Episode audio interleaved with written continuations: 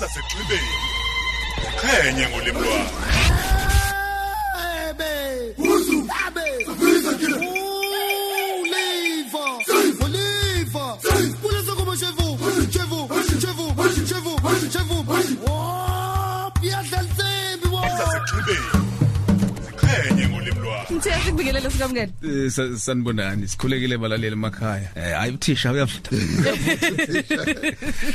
eh sanibonani balaleli bokhoze FM kuzo zonke indawo lapho nikhona kulenyanga nongcebo nawe mthiya inyanga yamadoda mm kodwa ke singangena enyangeni yamadoda masiqale sincome nje na ukuthi hayi si- si- siyakuzwa endabeni o- okuthokozisayo uma abafundi indaba ngizole nje nomfoka umthetho ma- manje kuseni eh nentokazi lena yakwantanzi Is- isithakazelo angazi uma isithakazelo kupho kusibonga phakathi kafakazi Fakazi, ntanzi yeah. Uya- uyazi njalo um- um- umthiya nawe nongcebo laba abantu abanikazi bolimi lesizulu bathi akulungile masizothi umafakazi engaganile Ba- ba- ba- basho njalo bathi Hayi bo. bathi akagane kuqala Uba umazibani bani? yebo Okay. mayisegane emambatheni ke sengaba umafakazi Okay, yobo umafakazi mbatha. Yeah. Okay. Basho- Basho njalo. Mm, Okay. Kodwa ke amaphutha esiwenzayo. Basebenzisa igama ke laba bafunda indaba. Isisebenzi noma izisebenzi.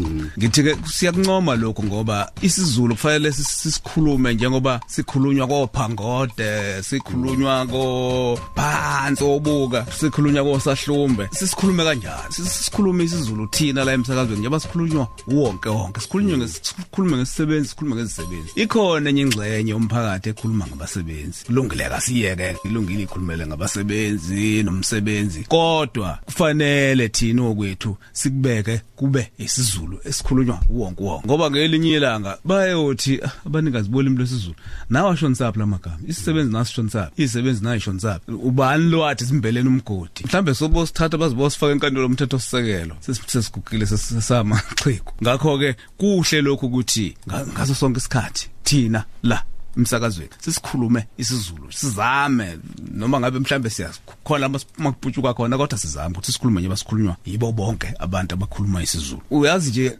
no- nongcebo nawe ndaba ezethu kuyahlupha ukuthi khona amaye magama njengokuthi nje izakhamizi noma izakhamuzi lawo magama nawo asefana negama lesisebenzi ngoba kukhona manje umgodambelwa kuwo Emb- ambelwa leli gama lethu abahlali nawo njalo mhlambe ngelilanga sofika kuboka Jesu bese kuthiwa mkhuba mini le U- uthola ukuthi suyavalelwa njalo basazi ukuthi sof- sovulelwa no no- kuthiwa ya wa- wawuthini awuphindele emuva uyolungisa lento ubuyisela amagama wahambele emgodi Ukuthi abahlali akusi- akusisona isixhosa. kungenzeka ukuthi basebenzisa ngale yeah babalingani bethu thina ngapha sinazo izakhamuzi sinazo izakhamizi kodwa ke sesinawo umkhuba ukuthi sigcine singasa singasakusebenzisi Eh, angithi khona sake sakhuluma ngakho nje wayengakafiki uthisha sakhuluma ngakho nje mthiya ukuthi kuthiwe umuntu abaphila nokukhubazeka nakhona lokho kuyohamba kuhambe kuthiwe yini intimboti yande nanithina abaphila nokukhubazeka kuhlala bahlala ndawonye khona ikolosana okuhlala khona ukuthiwa ukukhubazeka bese nomuntu kuphila nakho-ke. bese phila nakho ke